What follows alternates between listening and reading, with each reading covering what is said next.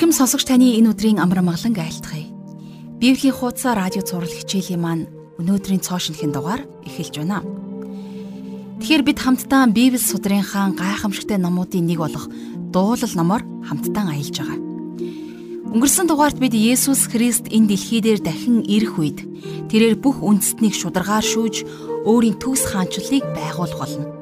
Харин тэр цагийг хүртэл бид бурхандаа итгэж бурхнаасаа зууран амьдрах учиртай талаар маш сонирхолтой нэгэн хичээлийг судалсан байгаа. Тэгэхээр нэг ёсондоо та биднийг энэ дэлхий дээр ямар утга учиртай а бас ямар зорилгын төлөө амьдарч байгааг сануулсан гайхалтай дуулууд байсан. Үнэхээр хүмүүс бид өөрсдийн бурхан эзнийг бүтээгч эзнээ алдаршуулахын тулд оршин байгаа. Тиймдээ ч энэ хичээл тун удахгүй бүх дэлхий даяараа Бурхныг магтан алдаршуулах гайхамшигтай цаг ирэх болно гэсэн итгэлийг маань улам их өсгөж өгсөн гэдэгт итгэлтэй байна. Магадгүй та эргэн тойрондоо байгаа хүмүүст сэтгэл дундуур явдаг гэж болох юм. Тэднийг хараад төрдөг хараслыг би ч гэсэн дотроо тгийж байдаг. Хүмүүс бүтээгч бурхнаа алдаршуулж амьдрахын оронд түүнтэй тэрсэлж амьдарсаар байгаа нь үнэхээр харамсалтай. Тэрч бүхэл итгэгч бидний дундаас хүртэл Бурхны нэрийг үл итгэгчдийн улан доор хайж хайр найргүй гიშгүүлэн амьдарч байгаа хүмүүс цөөнгүй бий.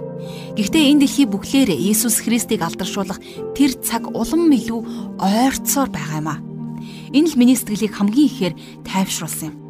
Иесус Христ энэ дэлхий дахин ирэх үед тэрээр бүх үндэснийг шударгаар шууж өөрийн төгс хаанчлалыг байгуулах болно. Амен. Мараната Иесус минь ээ Харин тэр цаг үеийг хүртэл бид бурханд итгэж бурхнаасаа зууран амьдрах учиртай. Иесус Христ дахин ирэхдээ бурханлаг бус бүхнийг устгаж харин өөрийнхөө хүмүүсийг мөнхийн улсдаа оруулах болно. Бурханд итгэж найддаг ард түмэн Бурханаас хүч чадлыг нь авах тэр сайн цаг айсгүй. Ингээд өнөөдрийн хичээлдээ орцгоё бид өнөөдөр дуулал номынхон 69-өөс 72 дугаар бүлгийг хамтдаа уншиж судлах болно. Ингээд хичээлийн ихэнд энэ цагийг Бурханд даатгаж хамтдаа залбирцгаая. Гайхамшигыг бүтээгч Бурхан эцэг минь таньда талархал өргөж байна. Ава та энэ өдөр бидэнд таны үгнээс суралцах энэ гайхамшигтай цагийг өгсөн. Танд бүх алдар магтаалын дээдэг өргөе. Эзэн өргөжлүүлэн та энэ өдөр бидэнд ариун сүнсээрээ дамжуулан өөрийнхөө үгийг ухааруулж өгөөч бидний төлөө таны эдэлсэн зовлон энэ дэлхий дээр бидний төлөө шудраг бусаар эдэлсэн тэр шаналлыг бид илүү их ойлгон таньж ухаарч таны өмнө илүү даруугаар нэгүүлсэнгүүгээр дуулууртайгаар амьдрахын тулд энэ цагт та өөрийнхөө гайхамшигт үгийг бидэнд илчлэн ойлгуулаач. Таны эсрэг тэрсэлж нэр төрийг тань газарт унган амьдарч исэн бол эзэн та бидний санаатай болон санаагүйгээр хийсэн алив гимт алдаа зөрчлүүдийг минь таавуучлан өшөөгөөч эзэн Тэгээд их эзэн минь ээ бидний эргэн тойронд байгаа үл итгэгч ахан дүүсээ бидний найз нөхдийг илгэнэгт монголчуудаа таны мутарт өргөж байна. Эзэн тэд таныг таньж мэдэх болтугай. Тэдний ам хэл болгон таныг эзэн гэж амаараа хүлээн зөвшөөрч тэдний зүрх сэтгэл болгон эзэн таныг хаан гэж эзэн таныг цор ганц бурхан гэж тэд таныг хүлээн зөвшөөрөх болтугай гэж таны амар амгалангийн мутарт таны авралын өвөрт тань би тэдгээр хүмүүсийг даатхан өргөн залбирч байна. Хичээлийг эхнээс нь дуусгах хүртэл бүхий л цагийн туршид сонсох бүхий л боломжоор хүнийг болгоныг та шагнан урамшуулаарай эзэн. Тэгээд яригч минь ариун сүнсээ та бидний дотор илчлэлтүүдийг илэрхийлтүүдийг хэлж яриарай эзэн. Тань талархан бүхий л зүйлсээ танд өргөж эзэн Есүсийн нэрээр залбирanгуйж байна. Амен. Ингээд хамтдаа жаргалах шиг хичээлд анхаарлаа хандуулцгаая.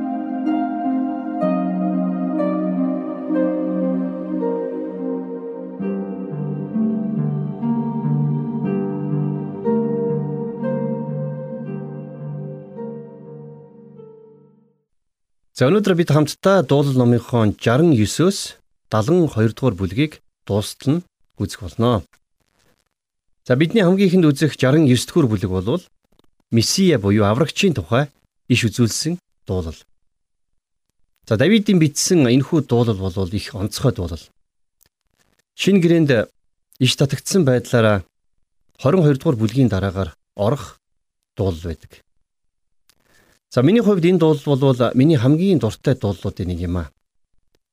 Шинэ гэрээнд иш татагдсан байдгаараа хит парадын нэгт дуулал 22 дугаар бүлэг жагсдаг болвол харин 2 дугаарт нь бидний одоогийн үзэж байгаа 69 дугаар бүлэг явж байдаг. За дуулал номын 69 дугаар бүлгээс Матай, Марк, Лук, Йохан, Үйлс, Ром зэрэг номнуудад иш татсан байдгийг. Библийн багш нар энэхүү дуулалыг Есүс Христийн амьдралын чимээгүй он жилүүдийг буюу хүүхэд нас, залуу насныхын талаар өгүүлдэгэ гэж үздэг. Харин Есүс Христийн амьдралын энэ үеийн талаар шинэ гэрээнээр бараг юу ч бичигдээгүй байгаа. За Лук эмчийн бичснээс харах юм бол нэг удаа л Есүсийг 12 настай байхад нь тохиолдсон нэгэн үйл явдлыг тэмдэглэн үлдээсэн байдгаас өөрөөр шинэ гэрээнээр Есүсийн баг насыг огт дурдаагүй байдаг. За тэгвэл энэхүү дуулалыг Есүсийн 30 нас хүртэлх амьдралынхын тухай өгүүлсэн дуулал гэж олон судлаачид үздэг юм. За бас энэ дуулал дээрээс бид нэр Есүсийн Назар дахь хар бараан өдрүүдийн талаар за бас загалмай дээр өнгөрүүлсэн аимшигтай мөчүүдийн талаар үзэх болно. Энэ бол хаягдж орхигдсон хүний тухайд дуулал. Хэрвээ бид нар 69 дугаар бүлгийг Есүсийн бага насны тухай гэж үзэх юм бол 69 дугаар бүлгийн эхэнд залуу хүү Есүсийн уйлан залбирч байгаа залбирлыг харах боломжтой. За нэгдүгээр ишлэгийг одоо хамтдаа уншийе. Бурхан намайг авраач. Учир нь их ус аминд минь занал хийлжээ. Есүс Христийн эдэлсэн шандал зовлонг бид нар эндээс харж болж байна. Есүс зөвхөн загалмай дээр л зовлон эдэлсэн биш. Түүний энэ дэлхий дээрх амьдралынхын зарим үе үнэхээр төсвөршгүй зовлонтой байсан гэж хэлж болно. Есүс Христийн амьдралдаа үзэж туулсан бүх зовлонг бид нар адилхан эдлэх юм бол за би л хувьдаа тэсэхгүй гэж боддог. Загалмай дээр өнгөрүүлсэн 3 цагийн хугацаанд Есүс Христ хүн төрлөختний гим нүглийг үүрэх Бурхны хураг болсон. Есүс Христ загалмай дээр та бидний өмнөөс гим нүгэл болгогдсон. Есүс энэ дэлхий дээр амьдарч байхдаа маш их зовлон эдэлсэн ч тэр бүх зовлон нь хүмүүсийн авралтай ямар ч хамаагүй байсан. Есүс бидний төлөө өөрийгөө даруй болгож хүн болон энэ дэлхийд ирсэн. Бид нар илүү ихийг мэддэг, чаддаг болохын тулд өөрсдийгөө аль болох хөгжүүлж задлахыг хүсдэг бол эсвэргээрээ Есүс Христ өөрийгөө хүн болгож хязгаарласан байна. Тэр өөрийгөө даруй болон боомлсон. За дараагийн ишлэгийг харах юм бол 2 дугаар ишлэлдэр гүн намагт би живж тэнд хөл тогтоох газар үгүй. Гүн усанд би орж үерт автлаа гэсэн байна. За энд өгүүлэгдэж байгаа гүн намаг гүн ус гэдэг нь зовлонгийн далай гэсэн утгыг илэрхийлж байдаг юм. Өөрөөр хэлэх юм бол Иесус Христийн дэлхийд мэдлэгтэй л зовлонгийн далайд мэдлсэн. Есүсийн дэлхийд мэдлэгтэй малын твшинд мэдлсэн биз дээ орчлон ертөнцийг бүтээгч бурхан хэрхэн мэндэлснийг хонь үхэр малнаас өөр хинч хараг. Харин тэр л малын сарвчин дотроос бидний эзэн Есүс Христийн зовлонт амьдрал эхэлсэн юм. За 3-аас 4-р эшлэл дээрээс бид Есүсийн хүүхэд насны дүрслэлийг харах боломжтой гэж бодож байна. Хамтдаа уншийе. Хашгирсаар байгаад би ядарчээ. Хоолой минь хатжээ. Бурхнаа хүлээсээр нүд минь гархилжээ. Шалтгаангүйгээр намайг үзен ядагчид толгойн үснээс минь ч олон. Утгагүйгээр дайсагнагч устгах гэж оролдогсод хүчтэй байна. Би хулгайлаагүй зүйлээ буцааж өгөх ёстой болж байна. Есүс Христийн багнаас ч гэсэн зовлон бэрхшээл Есүс Христийн багнаас ч гэсэн зовлон бэрхшээлээс ангид байгаагүй. За Иохны 15 дугаар бүлгийн 25 дугаар ишлэлдэр энэ нь Тэд шалтгаангүйгээр намайг үдсэн ядсан гэж тэдний хуульд бичигдсэн үг биелэгдэхийн тулд ажээ гэж бичсэн байдаг. Тэгэхээр Есүс Христ өөрөө энэ ишлэлээс иш татаж өөртөөгөө холбож тайлбарлсан байгааг бид харж байна тийм ээ. Есүс Христийг үдсэн ядаж байсан тэр бүх хүмүүс түүнийг ямар ч шалтгаангүйгээр үдсэн ядаж байсан. Тийм учраас тэдний үдсэн ядалт бол ёс бус үйлдэл байсан. За Ром номын 3 дугаар бүлгийн 24 дугаар эшлэлдэр Христ Есүсийн залилтоор дамжин Бурхны нэгүслэр үнгүй зөвтгөгдөжээ гэсэн үгийг Паул бичсэн байдаг. Нөгөө талаас үнгүйгээр зөвтгөгднө гэдэг нь бас шалтгаангүйгээр зөвтгөгднө гэсэн үг биз? Тийм учраас биднэрт ямар ч сайрхаж өнгөрөх зүйл байхгүй. Бурхан за энэ жаргал гэж нөхөр их сайн итгэж учраас би жаргалыг зөвтгөнө гэж хизээч хэлээгүй. Бурхан ингэж хэлээгүй гэдэгт та бүрэн итгэлтэй байж бол. Харин ч бурхан намайг харахтаа хөөхий гим нүгэлтэн гэж харсан. Тэгээд намайг ямар ч шалтгаангүйгээр зөвтгсөн. Тэгэхээр тэд нар Есүс Христийг ямар ч шалтгаангүйгээр үзэн ядсан гэж энд бичсэн байна. Тэгвэл та биднийг шалтгаангүйгээр зөвтгөхийн тулд Есүс Христ бидний төлөө шалтгаангүйгээр үзэн ядагдсан хэрэг байна. Энэ бол үнэхээр гайхамшигтай үнэн юм шүү. 5 дугаар ишлэлийг харъя. Аяа бурхан Мөнхөглийг минь та мэддэг нь бөгөөд ял зэм минь танаас нууцлагдаагүй. За энэ ишлэлийг яхаараа Есүстэй холбочдөг үлээ гэж та бодож байж болох юм. Есүс Христ энэ дэлхий дээр мэдлэгтэй хүн болж мэндэлсэн гэдгийг та санаж байгаа тийм ээ. А нөгөө талаараа бол тэр ариун, зөвхт, бузарлагдаагүй, өөсөвгүй, гим нүгэлгүй нэгэн байсан. А гэхдээ загалмай дээр Есүс Христ бидний өмнөөс гим нүгэл болгогдсон. Есүс энэ зүйлийг боломжтой бол амсмааргүй байна гэж гидсмэн цэцэрлэгт хэрхэн залбирч байсныг та санаж байгаа. Боломжтой бол энэ аягтайг надаас алгасуулж өгөөч ээ гэж Есүс Бурхан эзэн залбирч байсан. Энэ ямар аяг байсан бэ? Энэ бол гим нүглийн аяг байсан. Уг нь энэ аяг та бидний аяг байх ёстой байсан. Энэхүү гим нүглийн аягийг хүлээж авна гэдэг Есүсийн хувьд маш хүнд байсан. Яагад гэвэл тэр өөрөө гимгүй ариун байсан. За үргэлжлүүлээ 6-аас 7 дугаар ишлэгийг харъя. Төг төмдийн бурхан эзэн таныг хүлээгчдийг надаас болж ичхүрт битгий оруулаач. Израилийн бурхан таны гэрэн хаагчдыг надаас болж шившигт бүү оруулаач. Учир нь таны төлөө би жигшил зэвүүцлийг үүрчээ. Нүүрийг минь ичгүүр нүмерлөө. Есүс Христийг хүмүүс ямар ч шалтгаангүйгээр ингэж жигшиж зэвүүцэх хоёр үндсэн шалтгаан байсан юм. За нэгдүгüрт нь Есүс Христ өөрийнхөө мөн чанарын улмаас жигшигдсэн. Гим нүгэлтэй хүмүүс зөвхт хүмүүсийг үзэн ядаж, өөлж, гоочилдог шиг тэр үед хүмүүс Есүс Христийг ч гэсэн мөн тийхүү жигшин зөөцч байсан. За хоёрдугаар шалтгаан юу байсан гэхлээр Есүс Христ анханасаа энэ дэлхий дээр игэл даруу дорд байр суурийг хүлээн авахын тулд ирсэн байсан. За 8 дугаар ишлэл. Би ах дүүстэй харийн хүн болж ихийнхээ хүүгүүдэд ч гадны хүн болсон. За энэ жижигхэн ишлэлээс бид нэр их олон зүйлийг харж болохоор байна. Библиэл дээрээс харах юм бол Есүсийн ээж Мария өөр олон хүүхэдтэй байсан. За магадгүй Мариягийн хүүгүүд болох Юда, Йосеф хоёр ээж дээр ирээд ээжээ. Хүмүүс энэ Есүс ахыг манай төрсөн ах биш. Өөр хүний хүүхэд. Аав нь хин гэдгийг ч хинч мэдэхгүй гэд яриад байх. Энэ үнэн үү гэж асууж байсан ч үж магадгүй ихийнхээ хөвгүүдэд ч гадны хүн болсон гэж түрүү хэлсэн байсан тийм ээ. Тэгэхээр Есүс Христийн өссөн гэр бүл аз жаргалтай гэр бүл байсан уу, асуудалтай гэр бүл байсан уу гэдгийг бид мэдэхгүй л дээ. А гэхдээ энд ихийнхээ хөвгүүдэд ч гадны хүн болсон гэж хэлсэн нь бидэнд нэгийг өгүүлж байна. Эцгийнхээ хөвгүүдэд гэж хэлээг байгааз. Йосеф Есүсийн аав байгаагүй. Тэр утгаараа Есүс энэ гэр бүлд бол гадны хүн байсан байна, тийм ээ. За энэ ишлэлээс бид нэр Есүс Христийг онгон бүсгүйгээс мэндэлсэн гэдгийг олж харахч боломжтой гэж би бодож байна. За 9 дугаар ишлэгийг уншийе. Таны өргөөний төлөөх зүтгэл намайг залгиж таныг буруутгсан хүмүүсийн буруутгал над дээр буулаа гэсэн байна. За Есүс нэгэн удаа сүмийг цэвэрлэх үед энэ ишлэлийг иш татсан байдаг. Тэгэхээр тухайн үед бол сүм дотор худалдаачид шавчсан. Тэгээд шатаал дахил зориулан хонь үхэр тагтаа зэргийг худалдаалan зардаг байсан. За бас тэнд янз бүрийн мөнгөний ченжүүд ирчихсэн. Мөнгө сольдог болчихсон байсан. За ингээд Иохны 2 дугаар бүлгийн 16-аас 17 дугаар ишлэлээс харах юм бол Есүс тагтаа худалдаж байсан хүмүүст энэ юмнуудаа зайлуул. Эцгийн минь гэрийг 8-ны газар бүү болго гэлээ. Шавнар нь таны өргөөний төлөөх зүтгэл намайг залгих болно гэж бичигдсэн байдгийг санацгааваа гэсэн байдаг тийм ээ.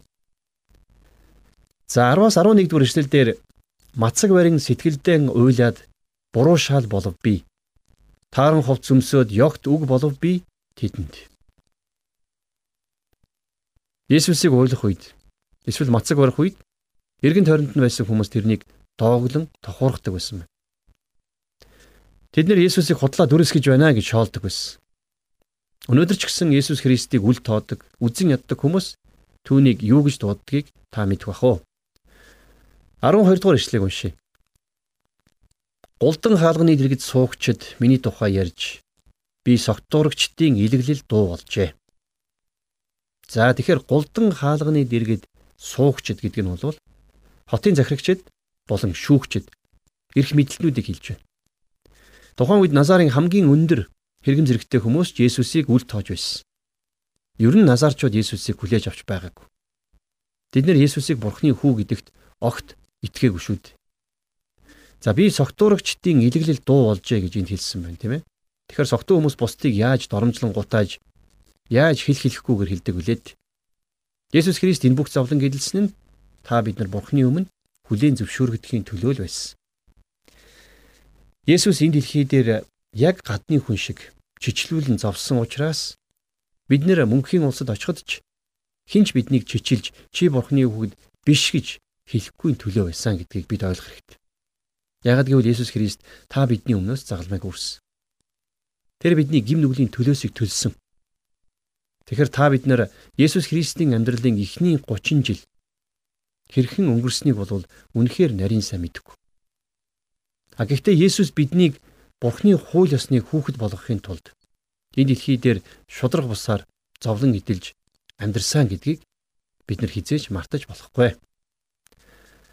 13 дугаар ишлэл. Изэн залбирал минь тааламжтай цагт танд хандна. Бурхан хайр инэрлийнхээ авгаагаар авралынхаа үннээр надад хариулаач. За яг энэ ишлэлийг Паул 2 дугаар Коринтын 6-гийн 2 дээр иш татахта. Учир нь тэр тааламжтай цагт би чамайг сонссон.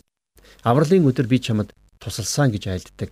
Харахтун одоо тааламжтай цаг, харахтун одоо авралын өдөр гэж бичсэн байдаг. Сайн мэдээний номнууд дээр Есүсийг эцэгтэй хамтан залбирдаг байсан талаар өгүүлсэн байдаг болвол за энэ 69 дугаар бүлэг дээрээс бид нар Есүсийн залбирлыг олж харах боломжтой юм. За дараагаар нэггээд урт ишлүүдийг хамтдаа уншийе 14-өөс 19 дугаар ишлэл. За би уншийе. Намгаас татан гаргаж намайг бүүж ивүүлээч. Үзэн ядагсад хийгээд усны гүнээс намайг авраач. Усны үерт намайг үл автуулж, гүн усанд ис залгиулж, нүхний амигч дээр минь бүү хаагдуулаач. Изэн хайр инрэлт нь сайн учир өршөөлийнхэн үлэмжээр над руу эргэж зарцаасаа нүрээ бүү нуугач. Учир нь би хавчлаг дунд байна. Надад даруйхан хариулаач. Сэтгэлд минь ойртон ирж түүнийг авраач. Дайснуудын минь учир намайг золиоч надад ирсэн буруутгал, ичгүүр, доромжллыг та мэднэ. Бүх өстөн минь таны өмнө байна. Есүс маш ихээр зовж шаналж байсан ч гэсэн зовлон дундаач Бурхны аврал болон ялалтанд бат итгэсээр байсан. Гүн усч, харанхуй нүхч Есүс Христийг үнэндээ барьж дийлээвэ. Есүс Христ үхлээс амилсан. Тэгэхээр дараачийн ишлүүд бол Есүс Христийн загалмайн зовлон дүрсэлсэн ишлүүд байна. 20-21 дугаар эшлэлдэр Буруутгал зүрхийг минь имтэлж би маш их өвчтөй байна. Би өрөвдөгчийг хүлээсэн ч хинч байсангүй. Тайтгаруулагчийг ч бас ис олов. Тэд бас надад хүнсэнд минь цөс, цангахад минь уулгахаар цуу өгөв. За энэ бол Иесус Христийн загалмайн зовлонг иш үзүүлсэн зөвнөл байсан. За тэгвэл Матай сайн мэдээ номны 27 дугаар бүлгийн 48 дугаар эшлэлдэр энэ үйл явдлыг биелснийг нь харуулan бичсэн байна. За энэ дэр тэдний нэг нь тэр даруй гүйж далайн хөвөн авч цагаан цуу шингээгээд хулсны үзүүрт торгон түүнд уулгахаар өглөө гэсэн байна. За дараагийн 22 дугаар ишлэл бол их чухал ишлэл байна. Тэдний ширээн тэдэнд өрх болог. Тэднийг амар тайван байхад энэ нь хавх болог. За яг энэ ишлэлийг Паул Ром хотынд бичсэн загталтаа иш татсан байдаг. За тухайлх юм бол Ромын 11-ийн 9-с 10 дугаар ишлэлдэр Давид тэдний ширээн тэдэнд өрх тор бүдрүүлэх саад бас шан хариу болог харж чадахгүй тулд тэдний нүд харанхуйлаг нуруу нь үрд бөхтөр болог гэжээ гэж бичсэн байдаг. За дараагийн 25 дугаар ишлэлийг бас шинэ гэрээнд татсан байдаг.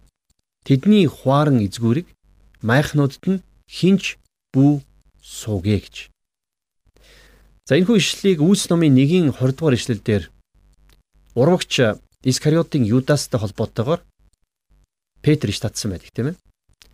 За энэ нь дуулал номонд түүний орон гэр нэзгүүрч тэнд хинэнч бүү сууг. Тэнд хинч бүү сууг гэд харгалзах үүргийг нь өөр нэгэн авг гэж бичигдэжээ. За 26-аас 28 дугаар ишлэгийг одоо уншийе. Учир нь тэд таны буццогсон хүнийг хяхан хавдсан. Таны шархтуулсан хүний өвчин шаналлыг хөөрөлддөг. Тэдний хилэнцээр хилэнц нэмэж Тэд таны зөвхт байдал бүү орог.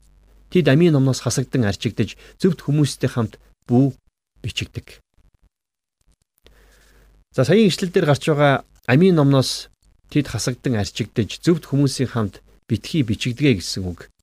Дээрээс маш олон судлаачид маргалдаж санал зөрөлддөг ишлэл байна.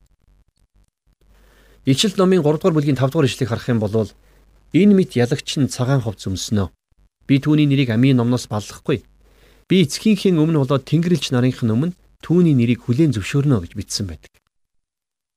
Тэгэхээр бид нар бүгдээрээ бүтээгдэх үед бидний нэрийг бичсэн бүтээлийн ном гэж байдгаа гэж теологчид үздэг юм.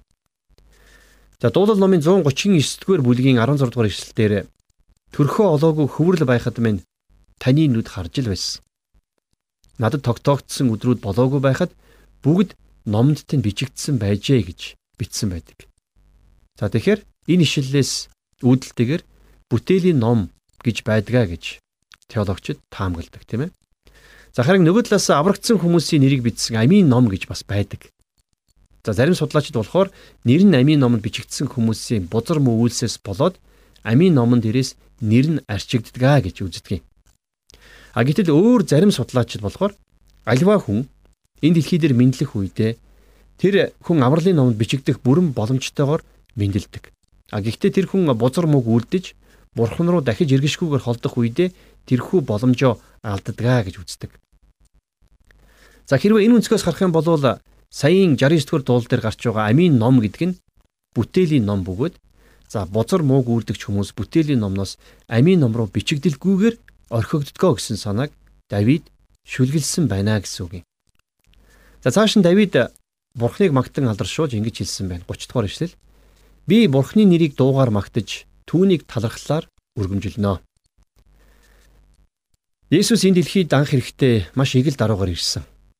Харин дахин ирэхдээ тэрээр сүр жавхлантай хааны дүрээр ирэх болно. Өнөөдөр энэ дэлхий дээр хоёр янзын хүмүүс амьдарч байгаа. Авралыг авсан хүмүүс болон авралыг хараахан аваагүй хүмүүс. Авралыг авсан нүгэлтнүүд болон авралыг аваагүй нүгэлтнүүд гэж хэлж болно. Тэгэхээр та энэ хоёр бүлэг хүмүүсийн айл бүлэгт нь багтаж байгаагаа сайтар бодоорой гэж хэлмээр байна. 33 дугаар ишлэл. Учир нь гачигдагсдыг эзэн сонсдог бөгөөд хоригдлуудаа жигшидвэ. Бурхан цаг нь ирэхэд энэ дэлхий дээр өөрийн хаанчлал, өөрийн шудраг эсийг тогтооно. Харин Есүс Христийг дахин ирэх тэр цагт энэ бүхэн биелэл болох юм. За 34 дугаар ишлэгийг одоо харъя. Тэнгэр ба газар далай ба тэдгэрийн дотор хөдөлж буй бүхэн түүнийг магтаг. За ингэж 69 дугаар дуулал өндөрлөдөг. За одоо хамтдаа үргэлжлүүлээд 70 71 72 дугаар бүлгүүдийг товчхон үзээд өнөөдрийнхөө хичээлийг өндөрлөё. Тэгэхээр 70 дугаар бүлэг бол Давидын зохиосон товчхон хэрнээ их сайхан дуулал. За энэ дуулалын үгсийг бид нэр 40 дугаар бүлгийн сүүлчийн 5 ишлээс бас харах боломжтой. Тэгэхээр нэгэн шүүмжлэгч дуулал номын 70 дугаар бүлгийг дуулал 40 дугаар бүлгийн төгсгөлийн хэсэг гэж эндүүрэгдээд тусдаа дуулал болоод орчихсон гэж хүртэл зүтгэж үзсэн байдаг. За хэрвээ тэр нөхөр эндүүрэгдээд гэдэг үгээ хасчихсан байсан бол би тэрнтэй бараг санал нийлэх байлаа. Тэгэхээр энэ дуулалыг бурхны сайн сайхныг дурсан сансан дуулал гэж үздэг юм. За дуулалын 40-р бүлэг дээр гарсан үгсийг яагаад энд давтсан юм бэ? За яагаад гэвэл Давид энд бурхны сайн сайхныг дурсан дурсан санаж байгаа юм. Хүмүүс бидний ой санамж тийм ч сайн биш. Та бидний амьдралд Бурхны хийсэн олон агуу үйлсүүдийг бид нар мартчихдаг. Тийм учраас бид нар энэхүү дуулал шиг Бурхны гайхамшигыг өөртөө үргэлж сануулж байх учиртай юм аа. 70 дугаар бүлгийн 1-р ишлэгийг уншийе. Бурхан намайг аврахаар сойрхооч. Эзэн надад туслахаар хурдлаач. За энэ бол яахын аргагүй бурхнаас тусламж хүссэн залбирсан Давидын залбирал байна. За бид нар ч гэсэн өнөөдөр хүнд хэцүү байдалд орохдоо бурхныг яаралтай төргөн тусламж болгон дууддаг байх хэрэгтэй. За 5 дугаар ишлэгийг харъя. Би харин зүдэрсэн гачигдсан. Бурхан над дээр хурдан ирээч. Та миний тусламж, та миний аврагч билээ. Эзэн битгий саатаач ээ. Үнэхээр энд бичигдсэнчлэн бид нар бүгдээрээ зүдэрсэн гачигдсан хүмүүс. Бидэнд бурхан хэрэгтэй. Бурхан бол бидний аврагч. Тэр бол бидний хончин, тэр бол бидний туслагч. Бид энийг үргэлж санаж амьдрах хэрэгтэй. Тэгэхээр бурхан бол зүдэрсэн гачигдсан нэгний өмг төшөг болсон эзэн юм аа. За харин дуулалын 71-р бүлгийн хувьд гэх юм бол за өндөр настай хүмүүсийн дуулал гэж зарим судлаачид үздэг юм. За энэхүү 71-р бүлгийг нас өндөр болсон хойноо Давид хаан өөрөө бичсэн гэж судлаачид таамагладаг. За 71-р дуулалын 4-өөс 5 дугаар ишлэгийг хамтдаа харъя. Бурхан минь ээ намайг гин буруутны гараас ёс бусыг үйлдэгч ба харгис хүний нудрагаас авраач. Учир нь та миний найдвар бурхан эзэн. Та бол залуугаас минь миний итгэл юм аа.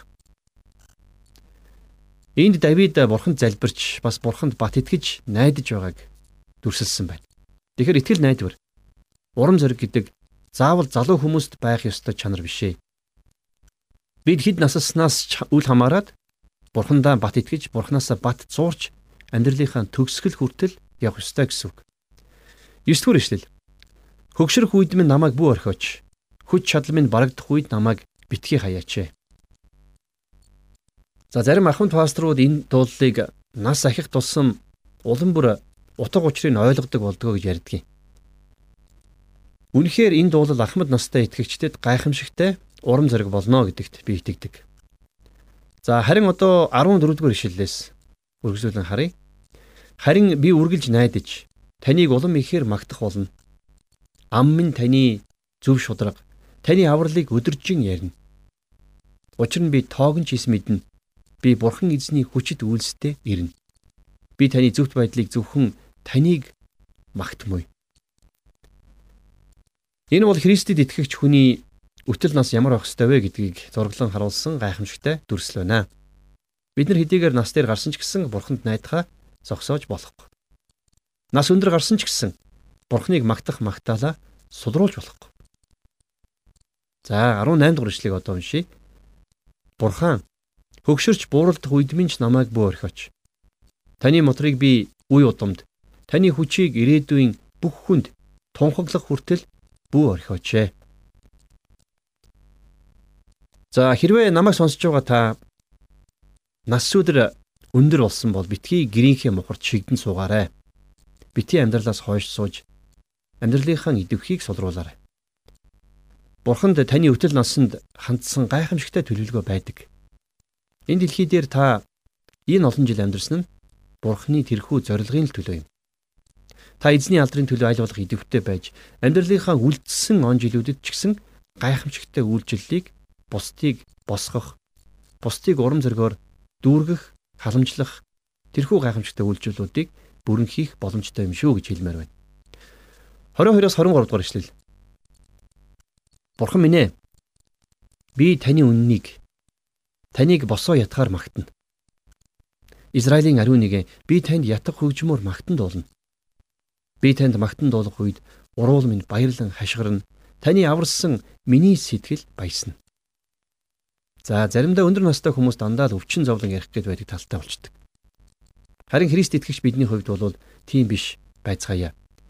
Бурхныг магтах магтаал, Бурхан дотор баярлах баяр хөөрөөр бүгдээрээ дүүрэн байцгаая. 24 Хилмийн ч өдөржин таны зөвхт байдлыг өгүүлнэ. Учир нь намайг хорлохыг хүсэгчд доромжлол ба ичгүүрт унсан билээ. За бид нар Бурхны сайн сайхныг дурсан ярихдаа ичиж зовох шаардлагагүй. Бид Бурхны сайн сайхныг гэрчлэн ярихдаа хоошоо суух хэрэггүй. Тэгэхээр энэхүү 71-р бүлэг бол Ахмад настай итгэгчдэд хандсан гайхамшигтай дуулал юм шүү. За өнөөдрийн маань хичээлийн хамгийн сүүлийн үзэх бүлэг маань бол дуулал номын 72 дугаар бүлэг.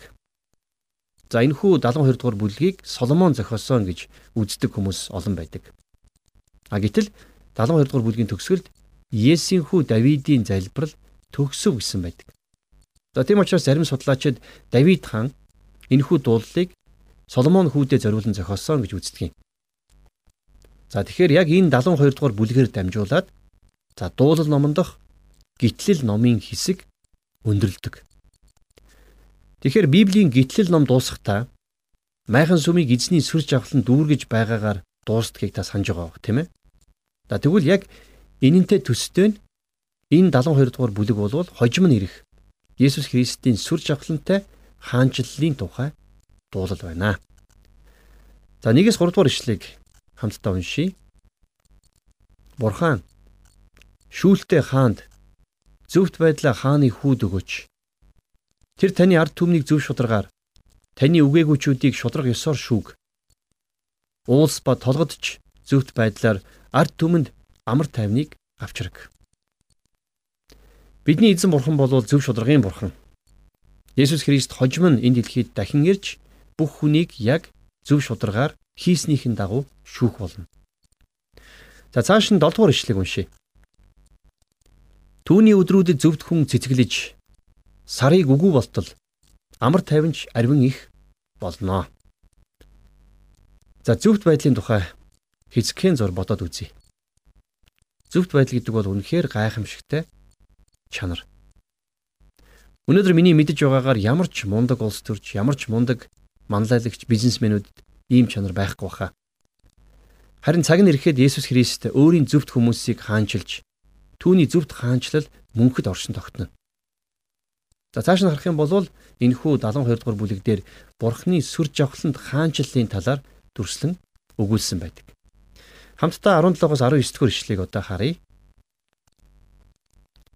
Түүний нэр мөнхөд байг. Нар гэрэлтэх мэд нэр нь урган мандаг. Хүмүүс түүгээр өрөөгдөн. Бүх үндэст нь түүнийг жаргалтайгаар магтаг. Ганцаараа гайхамшгүүдийг үйлддэг Израилийн бурхан эзэн бурхан магтагдах болтугай. Сүр жавхланд нэр нь мөнхөд магтагдах болтугай. Бүх дэлхий түүний алдраар дүүртүгэ. Амен. Амен гэсэн байна. Да би хувьдаа Давид хаан хожим ирэх Есүс Христийн тэрхүү төгс гайхамшигтай хаанчлалыг үзэгдлэр дамжуулаад урдаас зүгнэн харсан болов уу гэж би боддог. Есүс Христ энэ дэлхийд дахин ирэх үед энэ дэлхий дээр өөрийн төгс хаанчлалыг байгуулна. За ингээд 20 дугаар ишлэл дээр 72 дугаар бүлгийг төгсгсөн нэгэн ишлэл байна. Есийн хүү Давидын залбирал төгсвөө гэж. Эцэст нь Давид энэ хүрээд миний залбир дууслаа гэж хэлж явах шиг байна тийм ээ. Ингээд Давидын залбирал бүхэн биелэлээ олсон гэдгийг бид нар мэднэ. Үнэхээр Давидэд өөр залбирах зүйл үлдээг баха. За энэ хүрээд өнөөдрийнхөө энэ ивэлтэй цагийг өндөрлөе. Дараагийн хичээлээр дахин уулзъя.